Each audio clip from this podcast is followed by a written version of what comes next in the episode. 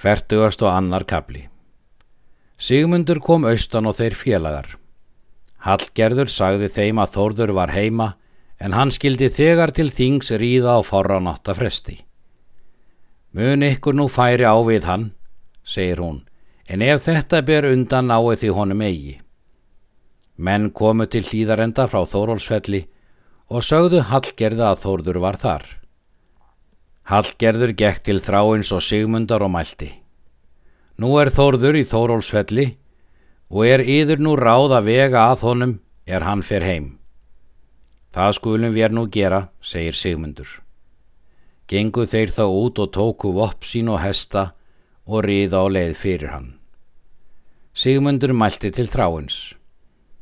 Nú skalt þú ekki aðgera því að osmun eigi alla til þurfa. Svo mun ég gera, segir hann. Þá reið Þórður að þeim litlu síðar. Sigmundur mælti til hans. Gef þú upp vopp þín því að nú skalt þú deyja.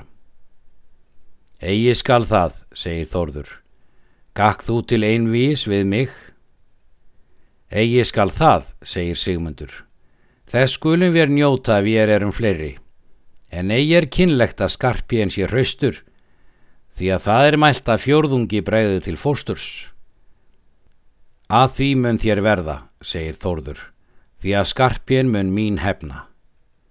Síðan sækja þeir að honum og brítur hann spjót fyrir kvorun tvekja þeirra. Svo varðist hann vel. Þá hjó skjöldur af honum höndina og varðist hann þá með annari nokkura stund, þar til er Sigmundur lagði í gegnum hann. Fjell hann þá dauður til gerðar. Þeir báru að honum torf og grjót. Þráinn mælti. Við höfum íldverkunnið og munu sinin jáls ítla kunna víinu, þá er þeir spyrja. Þeir riðu heim og sögðu hallgerði. Hún let vel yfir víinu. Rannveig mælti móðir Gunnars. Það er mælt sigmundur að skama stund verður hönd höggi fegin, enda mun hér svo en svo mun Gunnar leysa þig að þessu máli. En ef Hallgerður kemur annar í flugu í munn þér, þá verður það þinn bani. Hallgerður sendi mann til Berþórskvóls að segja víið, en annan sendi hún til Þings að segja Gunnari.